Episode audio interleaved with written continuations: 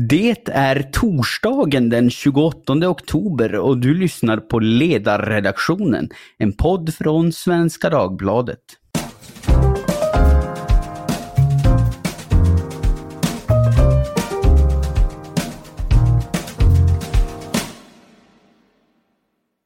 Jag heter Jesper Sandström och idag ska vi prata om frågor. Eh, det kanske kan låta abstrakt jämfört med poddens vanliga ämnen. Nu ska det alltså inte handla om cementproduktion, migrationspolitik, porr, vinster i välfärden eller något annat av våra återkommande ämnen, utan om just frågor.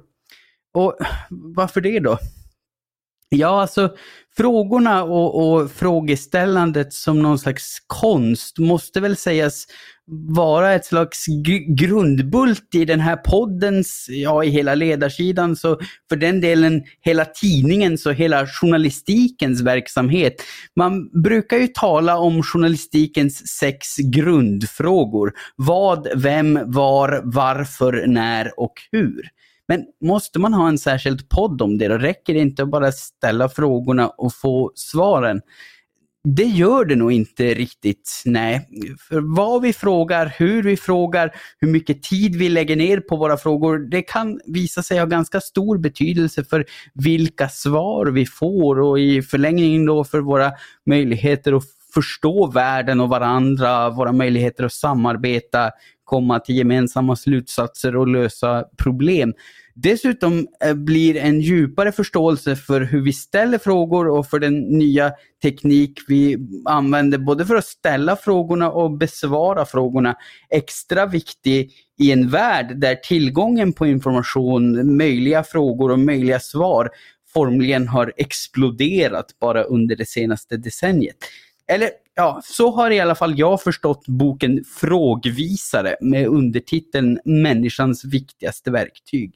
Den är nyss utkommen på Volante förlag, skriven av Niklas Berild Lundblad som sitter här och snart ska få en mer ingående presentation och Fredrik Stjernberg, professor i teoretisk filosofi vid Linköpings universitet som inte är med idag men förhoppningsvis kan företrädas ganska väl av sin medförfattare.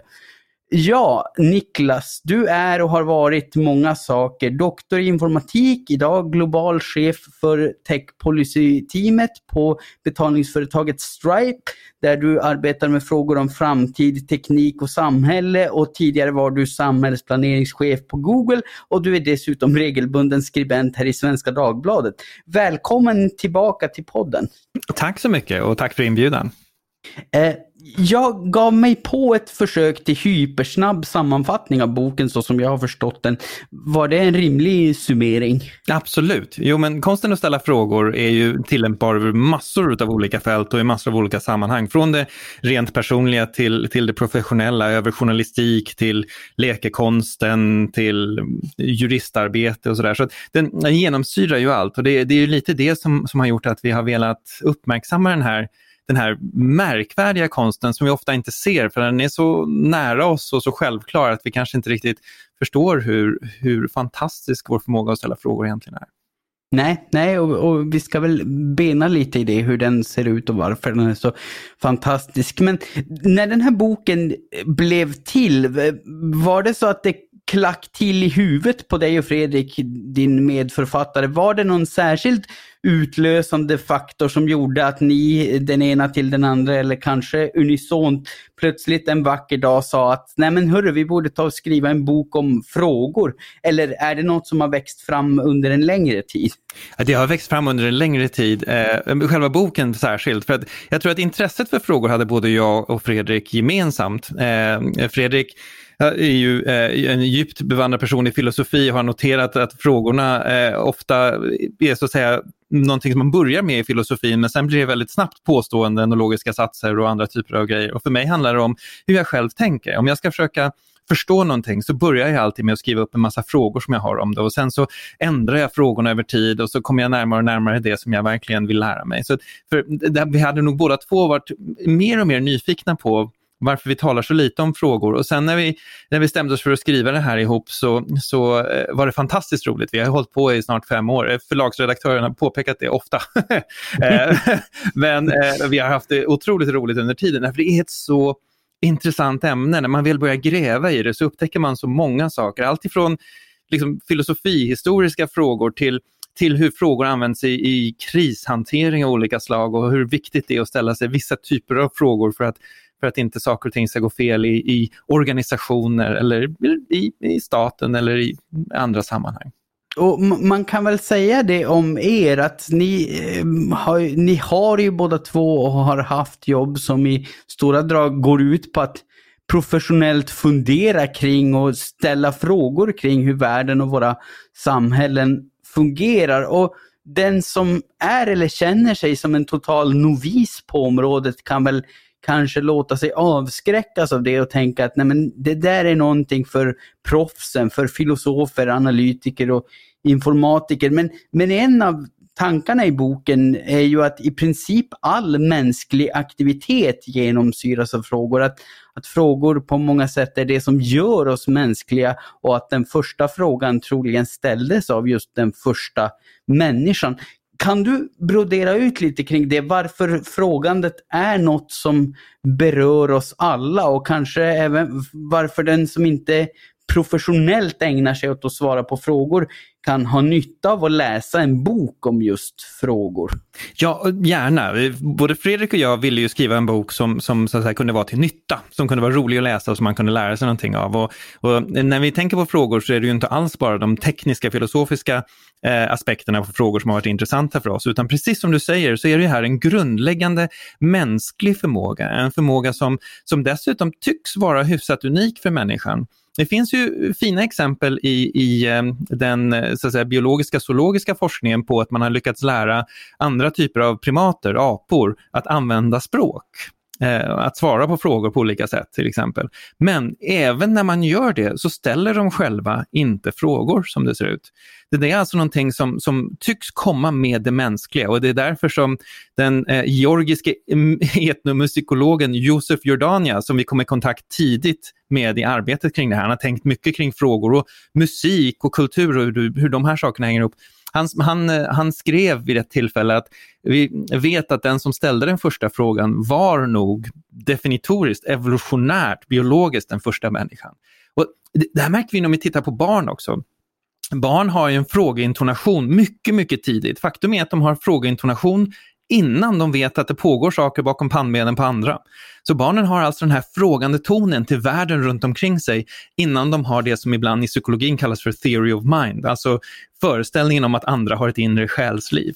Så Det här är en grundläggande mänsklig förmåga som vi alla använder hela tiden och vi använder den ju, vi vet ju, vi ser ju barnets frågande till exempel. Men sen så, så liksom blir den så det blir en laddad aktivitet på något sätt. Vi gör, vi gör det till någonting nästan lite så här skamligt att inte veta svaret på någonting. Och när vi kommer till skolan så istället för att fortsätta ställa frågor så ska vi börja ge en massa svar. Och det där kan man ju fundera lite på. Så jag tror att den här boken är till för att återuppväcka den här naturliga relationen som man har till frågor och sen använda den för att, för att komma vidare och, och, och eh, ja, helt enkelt leva ett lite roligare liv om man får säga så. Vi ska komma in lite i detalj på det här med liksom, eh, hur man kan ställa frågor och hur man kan ställa bättre frågor och så vidare. Men du säger här att du, ni vill att det lite grann, om jag förstår dig rätt, ska användas för att kunna hitta tillbaka till det här lustfyllda frågandet ja. som finns hos ett barn. Liksom. Ja, men alla har väl suttit med en fyraåring som, som bara varför det, varför det, varför det, eh, tills man blir less. Och har du, har du något tips där då? Alltså, vad, vad kan man göra för att väcka sin inre frågvishet? Ja, det finns ju saker omkring en hela tiden som man egentligen borde ställa frågor om. Och just det du nämner med varför är en spännande, ett spännande övning faktiskt. Därför att vi skriver i boken om någonting som vi kallar för varför-djup. Och varför-djupet är helt enkelt bara hur många gånger man ställer frågan varför. En fyraåring har ett avsevärt varför-djup. Om man säger så här, ja, varför eh, flyger fåglar? Jo, nej, men därför att de har vingar och kommer undan rovdjur. Varför vill de komma undan rovdjur? Varför de vill inte bli uppätna då, då? Varför vill de inte bli uppätna? Därför att allting lever, där någonstans börjar man känna den där respirationen som du beskrev. Och det, här, det finns ju roliga sketcher om det här också. Eh, och lite sånt där. Men, men här någonstans att öva sitt eget varfördjup. När man tittar på till exempel, det kan vara ett problem man kikar på i jobbet. Man säger varför är det så här och så får man ett jo men så här är det. Om man då vågar ställa frågan varför en gång till och en gång till och en gång till, då kan man komma ner ända till rotorsakerna. Och det här har ju till och med blivit en metod som används i, i japansk tillverkning och av olika japanska företag, där man ställer frågan varför ett visst antal gånger för att hitta rotorsakerna till varför någonting har gått fel i tillverkningen och sen försöka se till att förbättra eh, hela företaget utifrån den här rotorsaken. Så att, sådana enkla grejer som att öka sitt eget varför-djup kan ju vara ett sätt att komma tillbaka till, till glädjen med frågandet. Du sa här också att, att det handlar om att våga fråga sig varför. För, för det är väl lite grann ett problem att det, det finns ibland i många, och kanske framförallt i professionella situationer, en, en skam kopplad till att fråga varför för många gånger. Absolut. Och det är ju därför att vi på något sätt lär oss att vi förväntas inne, sitta inne med resultatet. Det är därför också alltid är så tyst när man på slutet av en föreläsning frågar om det är någon som har några frågor. Ett tips där det är att börja med den sliden istället. Har ni några frågor? Och sen kanske köra föreläsningen. För tänk vad intressant det kunde bli ifall man fick lite frågor i början av föreläsningen istället för att vänta till slutet då ingen riktigt vågar säga någonting för då tror de att de kanske inte har förstått eller fattat någonting man har sagt. Och det, det, det där är så fascinerande att vi, att vi har vi har någon sorts prestige i att kunna svar. Det borde ju vara tvärtom, att man hade prestige i att ställa frågor. Jag tror det var Voltaire som sa, jag dömer ingen utifrån hennes svar, jag dömer alla utifrån de frågor som de förmår formulera. Och nu ska man inte döma folk till höger och vänster, det tycker jag inte. Men däremot så är frågorna så mycket mer intressanta, ofta, än svaren. Och en, en annan sån här grej som, som det var, jag fick en liknande fråga häromdagen. Och, ja, men man känner sig dum om man ställer frågor, var det någon som sa. Det sa jag, ja, det är helt riktigt, du känner dig dum i kanske en 30 sekunder. Alternativet är att du förblir dum resten av livet.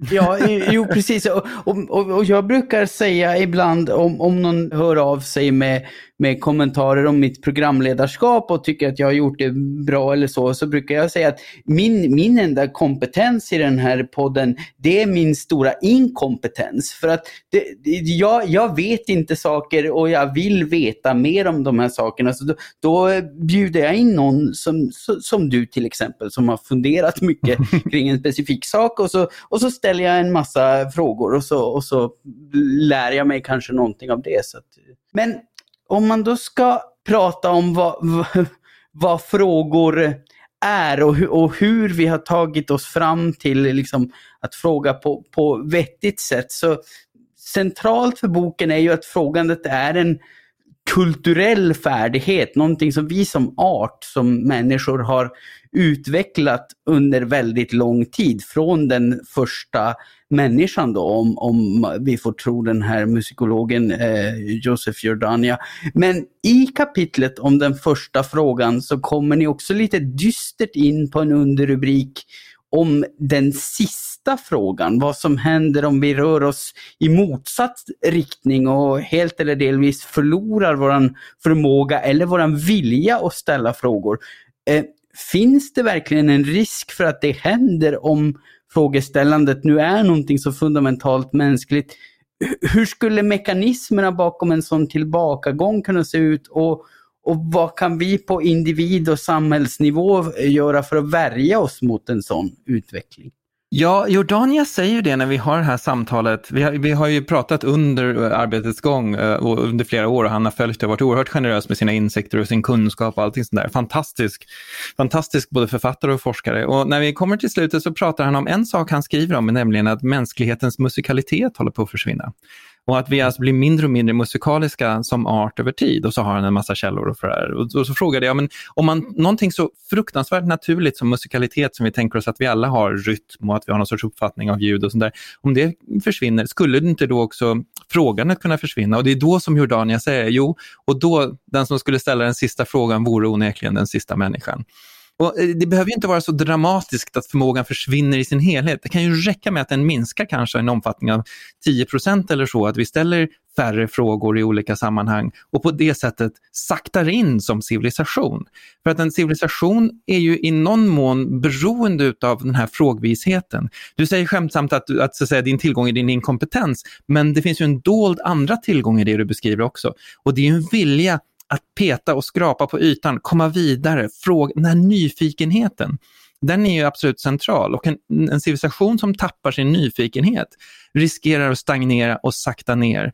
Och jag tror inte att en civilisation mår bra av att sakta ner i ett samhälle, i en värld, i en miljö som hela tiden blir mer komplex och inte tycks sakta ner. Så att det är väl kanske det någonstans som, som den här eh, diskussionen handlar om. Och det kan handla om allt ifrån hur många frågor vi ställer i demokratin till hur många frågor vi ställer i forskningen. Mm. Och, och, och vad, vad, kan då leda, vad är riskfaktorer här? Alltså vad, vad kan leda till att vi blir mindre nyfikna och ställer färre frågor? Jag tror att komplexitet kan vara en sån sak som gör att många känner sig avskräckta. Eh, man vet att det här är så förfärligt komplext. och man frågar om ekonomin till exempel och så får man en lång föreläsning om hur det hänger ihop och teoretiska modeller och specialisering hit och dit och då känner man så här, åh nej, det här var svårt, nu, jag vill inte ställa några följdfrågor om det här. Så jag tror att vi måste, på något sätt så måste vi komma igenom upplevelsen av komplexitet, tillbaka till känslan av mänsklig handlingskraft, att vi kan ställa frågor om världen. Och där finns det ju en liten, en annan riskfaktor, är den specialisering som samhället har genomgått, som har varit bra för väldigt mycket, men som har gjort det nästan illegitimt att ställa frågor om man inte är expert inom ett visst givet område.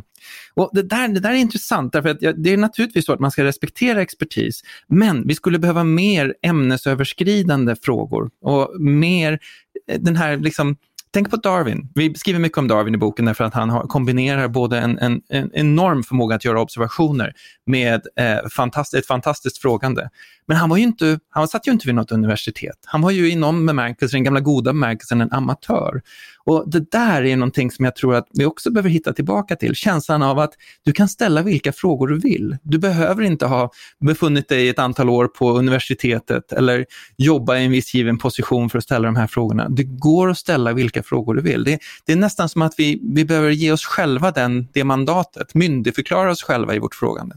Ja, och, och om komplexiteten är en, alltså kan verka avskräckande. Om det är så att vi, jag menar så man kan väl tänka i, i ett samhälle med hastigt tilltagande teknikutveckling, mer avancerad AI och sådär, så, så kan kanske många känna att nej men det här är alldeles över huvudet på mig, det här, det här kommer jag aldrig kunna förstå och, och därför ställer man inte eh, heller frågor om det. Så vad, vad är medicinen mot det då? Kan, kan de som jobbar med de här områdena göra något särskilt för att göra dem mer begripliga och mindre avskräckande? Ja, och sen kan de också lyfta fram de områden där man faktiskt inte har perfekta lösningar. Det är roligt att du nämnde just artificiell intelligens. För att alla som har forskat en längre tid i det här, eller som pratar om det eller skriver om det, säger ofta att den här artificiella intelligensen, den här tekniken, de här maskininlärningsalgoritmerna som vi har skulle inte vara värda någonting utan att vi ställer rätt frågor. För att det är ju genom att ställa frågor som vi då, vi kan förstärka våra frågor med tekniken, men vi kan inte ersätta dem. AI och andra typer av teknik som är utvecklat är bra på att ge oss svar, men är usel på att ställa frågor, någonting som vi är väldigt duktiga på. Och jag tror att, att komma tillbaka till det här och säga att ja, tekniken har en extrem förmåga, men den har mycket låg förståelse och i och med att den saknar förståelse så kan den inte ställa rätt frågor. Och de, alltså, hela den tekniska utvecklingen är beroende av det mänskliga i botten. Och det på sitt sätt så är det ju en sorts liksom, eh, fundamental humanism. Man, man förstår att i centrum av allt detta så står människan fortfarande stadigt på grund av sin nyfikenhet, på grund av sin förmåga att ställa frågor. Ja. Ett annat skräckexempel som ofta lyfts fram när det kommer till eh, vår förmåga att ställa frågor och kanske vår förmåga att förstå eller vilja förstå världen eh, runt omkring oss eh, är ju att vi på något vis kanske blir överbelastade av den enorma mängd information vi nu har tillgång till. Så att vi tappar förmågan att sortera i vad som är rimligt och, trovärdigt och därför börjar tro på saker, eh, konspirationsteorier eller annat som, som saker som är uppenbart falska. Och i boken tar ni också upp som en riskfaktor det att medan vi förut ofta ställde frågor i grupp så ägnar vi oss nu åt ensamt frågande, kanske framför våran datorskärm. Du berättar i boken om en händelse vid frukostbordet där din son eh, uttryckte att han hade landat i slutsatsen att månlandningarna var fake. Hur hanterade du en sån händelse och finns det några mer allmänna lärdomar att dra av det? Ja, en av de kanske viktigaste eh, lärdomarna att dra av det är att kunskapsbildning är någonting som, som kräver en, eh, eh, som kräver en, it takes a village som det heter på amerikanska, det kräver en, ett samfund, det kräver att man arbetar tillsammans med andra. Och kunskap är någonting som blir bäst om vi faktiskt utvecklar den tillsammans. I det här fallet så, så hade han ju, eh, han hade kikat på lite olika videos, han hade surfat lite, tittat och bestämt sig för att ah, men det där var bluff, därför han hade sett en flagga som fladdrade på någon video och tänkte det kan du inte göra för han visste att det inte fanns någon luft på månen. Och, det var ju så fantastiskt intressant för att det här var ju saker som jag hade diskuterat teoretiskt tidigare och när det dök upp vid mitt eget frukostbord så tänkte jag att ja, men vad gör man nu då? Vad är... Och svaret är ju enkelt. Man sätter sig ner en hel dag och så går man igenom och så pratar man och så diskuterar man. Därför att det här med att bilda kunskap genom rätt typ av frågor och det här med källkritik och det här med att förstå hur olika källor kan vägas mot varandra, det är inget gudagivet och det är någonting som, som jag åtminstone känner som förälder att jag har någon sorts eh, skyldighet till starkt. Jag har, jag har nöjet att vara med och, och och så att säga, bidra med hur mina barn utvecklar det själva. Och sen kommer vi värdera olika saker olika och vi har massor av diskussioner om allt från politik till vetenskap. Men nu har vi åtminstone inte kanske så mycket en gemensam faktagrund som en gemensam metodgrund för hur man går tillväga när man söker ett svar. Och det tror jag är extremt viktigt, att man, att man inser att det där att kunskap, det är ett nätverkskoncept. Vi har kunskap tillsammans med andra. Och den här isolerade kunskapen riskerar annars att bli en där vi bara ställer bekräftande frågor. Eh, som, ja, det, typexemplet och det kanske mest uppenbara, det är den som söker på Google efter är inte golden retriever de finaste vovarna? Eh, de vill inte ha svaret mm. nej, det är pudlar kan jag säga. De vill höra att det är golden retriever som är den finaste voven. Och när man har den här typen av bekräftande frågande så riskerar man att nivelleras in i någon sorts karikatyr över sig själv. Men, men, om man då har gjort det, och alltså, det kan väl vara oförargligt om man nu råkar snöa in på att golden retrievers är, är jättefina hundar. Men, men om man istället De råkar... De det, ska jag bara säga. Ja, ja det, det, får jag instämma i. Vi hundvaktar också en sådan ibland. Men, men, men om man om, man, om det man snöar in på och börjar själv bekräfta istället är någonting annat, något kanske lite mörkare som till exempel att, att vaccin är livsfarliga och att de används av Bill Gates för att injicera 5G-chip i oss. Alltså, om, om, man, om man har dykt ner väldigt långt i ett, ett sådant hål av, av som självbekräftande konspirationsteorier, eh, finns det någon särskild frågemetodik man kan använda för att baxa upp någon ur ett sådant hål? Ja, och ur alla typer av åsikter som man upplever att man själv har fastnat i eller någon annan har fastnat i så finns det ju en, en väldigt fin fråga som återkommer i massor av olika former. Den kallas ibland för Alexanderfrågan efter läkaren Russell Alexander. Och det är en väldigt enkel fråga. Det är vad skulle få mig att ändra mig om den här saken. Och den kan man ställa till, till någon man samtalar med. Vad skulle få dig att ändra dig? Vilka typer av data, vilka typer av insikter, vilka fakta skulle få dig att ändra dig? Man kan ställa den till sig själv med viss fördel när man tycker någonting väldigt starkt och kanske vill undersöka om man verkligen har på fötterna. Och Just den frågan är ju så användbar därför att den som säger inget skulle få mig att ändra mig har redan där också blottlagt, kanske inför sig själv, att det inte är en övertygelse om kunskap utan snarast en emotionell övertygelse man har i ämnet i fråga. Och det, mm. och det, och det, där är ju, och där lider vi lite grann utav, eh, återigen vi kommer tillbaka till utbildningsfrågan, vi lider lite grann utav att utbildningen är så fokuserad på att söka svar på frågor. Så när man har hittat svar, då tycker man att man har löst uppgiften istället för att titta lite mer på hur frågan är formulerad, om den är rimlig, om den verkligen ökar kunskapen eller om den bara helt enkelt bekräftar det som jag har sagt tidigare är det ett problem, eh, alltså, du, du som ändå har jobbat åt, åt Google som får sägas befinna sig mitt i eh, den, den här explosionen av tillgänglig information. Eh, är det ett problem att vi riskerar att bli överbelastade? Att vi, att vi därför får svårare att veta hur vi ska ställa rätt frågor? Ja, definitivt. Om du tänker på en sökmotor så kan en sökmotor snabbt ge dig massor av data. Den kan kanske till och med ge dig dessa data strukturerade som information. Men sen så ska informationen också bli kunskap. Det är så att säga det sista steget och den blir kunskap genom att den tolkas av någon. Och det där tolkande subjektet, det måste ju vara vi människor och vi är på det sättet en begränsning, en begränsad tillgång i kunskapsbildningen. Och då finns det ju en risk att om man nu ska försöka ta all den här informationen och tolka om den till kunskap så kommer vi att få ont om tid helt enkelt. För det tar tid att, att, tolka information som kunskap. Där kan vi använda olika typer av teknik, så det finns ingen anledning att gå och bli deppig över det här nu, utan man kan använda olika typer av teknik som artificiell intelligens för att förstärka eh, sitt eget frågande och förstärka sin egen kunskapsbildning. Det var någonting som, som Herbert Simon, en av de stora informationsteoretikerna, sedermera också Nobelpristagare, eh, formulerade väldigt väl. Redan 1969 så sa han att “With a wealth of information comes a poverty of attention and a need to allocate attention efficiently”. Alltså, när det finns massor av information så får vi ont om uppmärksamhet och vi måste ta vår uppmärksamhet och liksom verkligen spendera den där den behövs bäst. Och det i sin tur kan man hjälpa till med teknik. Så att, och med bättre frågor förstås. Det är den andra grejen, att man ställer bättre frågor så spenderar man sin uppmärksamhet på ett bättre sätt. Ja, ja precis. Vi ska, vi ska komma in på det avslutningsvis, hur man faktiskt ställer bättre frågor. Men först så ska vi zooma in lite på det som ofta är fokus för den här podden och, och ledarsidan i övrigt.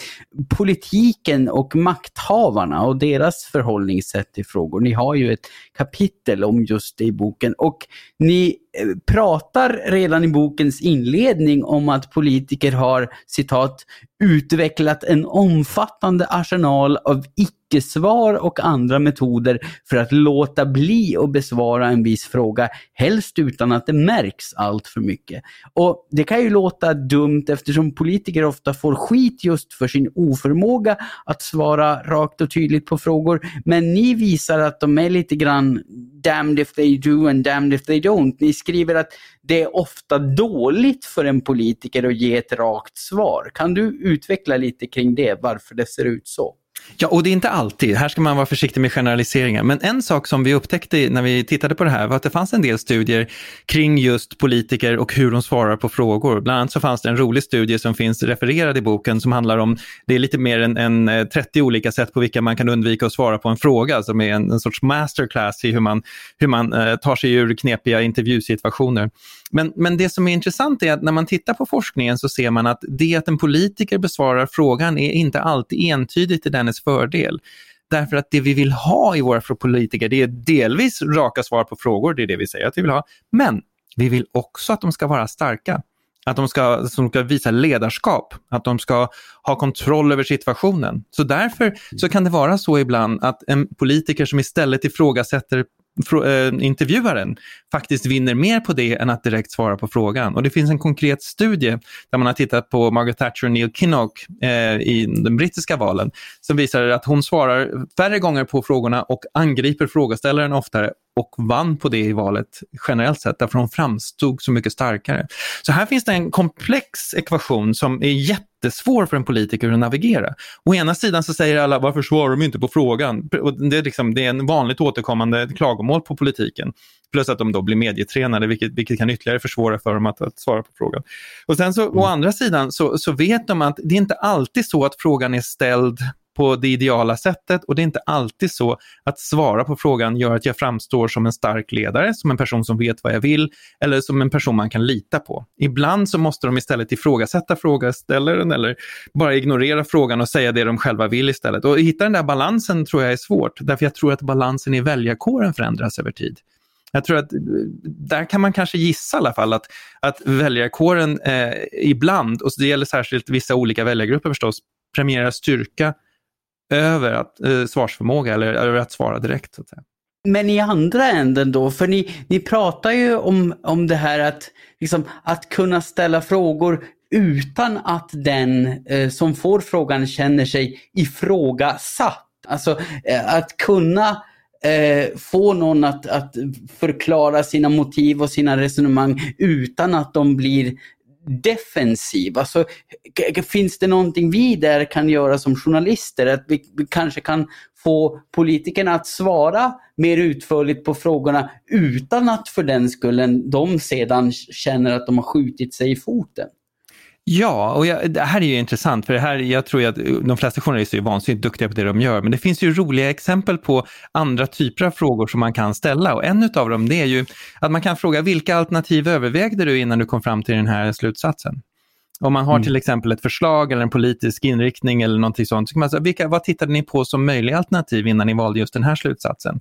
Och sen den klassiska Russell-frågan, då, vad skulle kunna ändra din åsikt i den här frågan? Finns det någonting ja. särskilt här som du, du känner att om det är så här istället, då skulle jag ändra min åsikt? När skulle du backa? Vad, är, vad skulle krävas för att du skulle backa här? Och där krävs det väl kanske lite att man, att man, att man inte har en gotcha-mentalitet, att man inte letar efter den där frågan som, som liksom kniper fast som en björnfälla, utan man försöker istället hitta frågor som gör det möjligt för en, en politiker att, att redogöra mer för processen i vilken de beslutade sig än resultatet. Ofta blir det väldigt resultatfokuserat. Vad tycker du? Men hur kom ja. du fram till vad du tycker? En, en annan intressant fråga.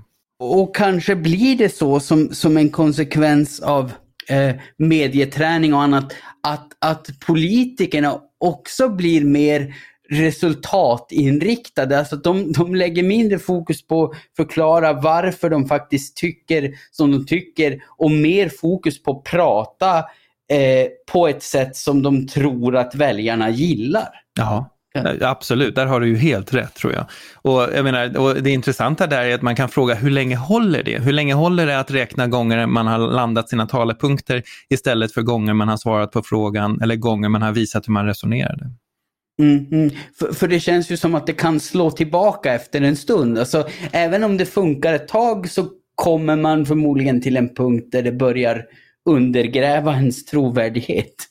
Jo, absolut. Och det finns ju exempel på att, att man som politiker så att säga, kan vara så undflyende uh, att, att, att man underminerar sin egen legitimitet ordentligt. Det finns den berömda Bosse Ringholm-intervjun till exempel och några andra sådana. Ja, vi, vi, kan klippa in här hur det lät så lyssnarna får höra. Inga-Britt Ahlenius har därvid uttryckt intresse för... Det är Inga-Britt Ahlenius som själv har uttryckt ett intresse för ett... Inga-Britt Ahlenius har uttryckt ett intresse för ett annat uppdrag och då har jag haft en diskussion om detta önskemål som hon har, att jag ska försöka tillgodose det och att hon är kvar under hösten. Ni har inget annat svar att lämna. Det är alltså en presskonferens 1999 där Bosse Ringholm ska förklara varför Inga-Britt Alenius, dåvarande chef för Riksrevisionsverket, lämnar sin tjänst. Han upprepar sig på ett papegojliknande sätt eh, utan att ta hänsyn till följdfrågorna så till den milda grad att närvarande journalister börjar skratta och till sist återigen frågar kan du svara på frågan? Men det gör han alltså inte. Men med det sagt om politiken, vi gillar ju här i podden att försöka vara framåtsyftande så jag tänker att vi går vidare med just det om det är så att vissa frågor vi ställer kör fast i en vägg av icke-svar, svar som antingen medvetet eller omedvetet inte leder till något meningsfullt, någon bättre förståelse av någonting, oavsett om det är frågor vi som journalister ställer till politiker eller kanske frågor vi ställer till vår partner i hemmet. Eh, hur tar vi oss då vidare? Finns det någon eller några enskilda grejer som är särskilt viktiga att tänka på när vi ska ställa bättre frågor? Ja, och då har vi ju ett helt kapitel om det som jag inte kommer att gå igenom hela, men det, det, det finns, en, det finns ett, ett avslutande kapitel med några idéer om det där och det finns ju mycket man kan göra. Men jag kan ge, jag kan ge ett exempel på, på två saker i alla fall som jag tror är rätt effektiva. Eh, och en är en, en riktig klassiker och det är fråga eh, vad skulle och sen så en känd person ha gjort. Och Det kan vara en känd fiktiv person eller en historisk person eller någonting annat, bara för att skaka dig ur din egen personlighet. Vi sitter ju så djupt fast i våra egna personligheter, så ibland kan det vara användbart att bara fråga, vad skulle, vad skulle till exempel, vad skulle min farfar ha gjort? Eller vad skulle, vad skulle min eh, bästa kompis ha gjort? Bara för att då börjar hjärnan helt plötsligt simulera ett annat sätt att tänka. Och den frågan gör att man ser eh, helt plötsligt världen på ett nytt sätt. Vad skulle Sherlock Holmes ha gjort? Hur skulle, eh, Fredrik har ett roligt exempel, han brukar prata om vad skulle Genghis khan ha gjort, vilket ofta leder tanken till erövrat eh, stora delar av Mongoliet. Men det, det, det, finns ju sådär, man kan, man, då tvingas man verkligen skaka om sitt eget tänkande. Och Vad som händer då är att man simulerar helt enkelt en annan personlighet, en annan uppsättning frågor. Och, och det är överraskande effektivt faktiskt att göra det. Det andra tipset som jag skulle ha, och det finns som sagt var många fler, det skulle vara att titta lite på frågeorden. Att kanske byta frågeord om man sitter fast i någonting. Så ofta så, så frågar man till exempel, eh, eh, var ska jag bo? Om man frågar när ska jag bo? Då kan man titta på hur länge ska jag egentligen bo där och vad tycker jag är rimligt? Hur många dagar kommer jag tillbringa där? Kommer jag kanske vilja vara någon annanstans under tiden? Sen hur ska jag bo? Då börjar man prata om hur stort man ska bo, man börjar fundera på, jag kanske ska hyra istället för köpa. Jag kan... Då, när man börjar ändra frågeorden, bara de här som du nämnde i början, de här journalistfrågorna, börjar ändra de frågeorden, då, då helt plötsligt så framträder de flesta frågor i ett helt nytt ljus också. Mm.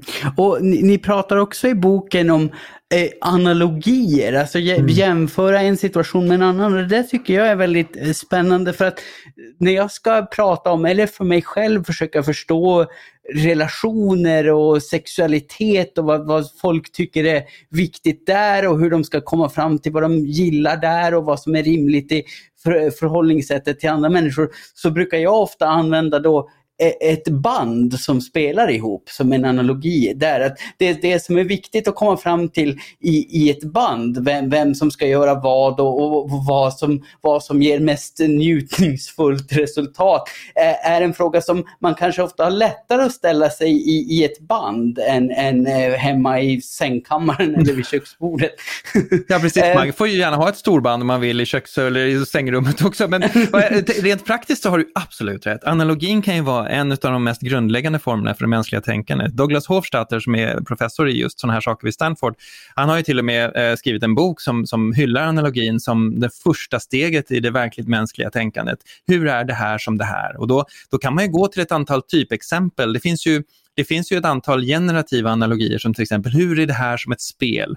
Hur räknar jag poäng? Hur vet jag om jag har vunnit? Är det verkligen vinna jag vill? Hur ska jag tänka på det här som ett spel? Eller hur är det här som ett musikstycke, för att återkomma till ditt bandexempel? Eller hur mm. påminner det här om evolutionen? Det finns några sådana här stora generativa analogier som man kan arbeta med och som gör det möjligt för en att att helt enkelt peta in sitt problem i en ny ram och titta på hur det ser ut i den ramen. Mm. Vad skulle du säga, är, det, är det det som eh, det ofta handlar om när vi på något sätt vill försöka eh, liksom lir, lirka oss själva till att ställa bättre frågor? Handlar det om att lite grann skaka om våra, våra hjärnor? Att se på saker på sätt vi inte har sett dem förut? Ja, absolut. Och jag tror att det, som, det man vill göra också är att man vill, man vill inse att det inte bara finns ett sätt att se på saker. Som tar frågan om meningen med livet som är en fundamental filosofisk fråga som, som, man all, som alla grubblar på någon gång då och då. Man kan ju se den på en mängd olika sätt. Man kan se det till exempel som en eh, tavla bakom en duk. Så man ska rycka undan duken för att avslöja meningen med livet. Och då har man sett hela tavlan, då förstår man hur det hänger ihop.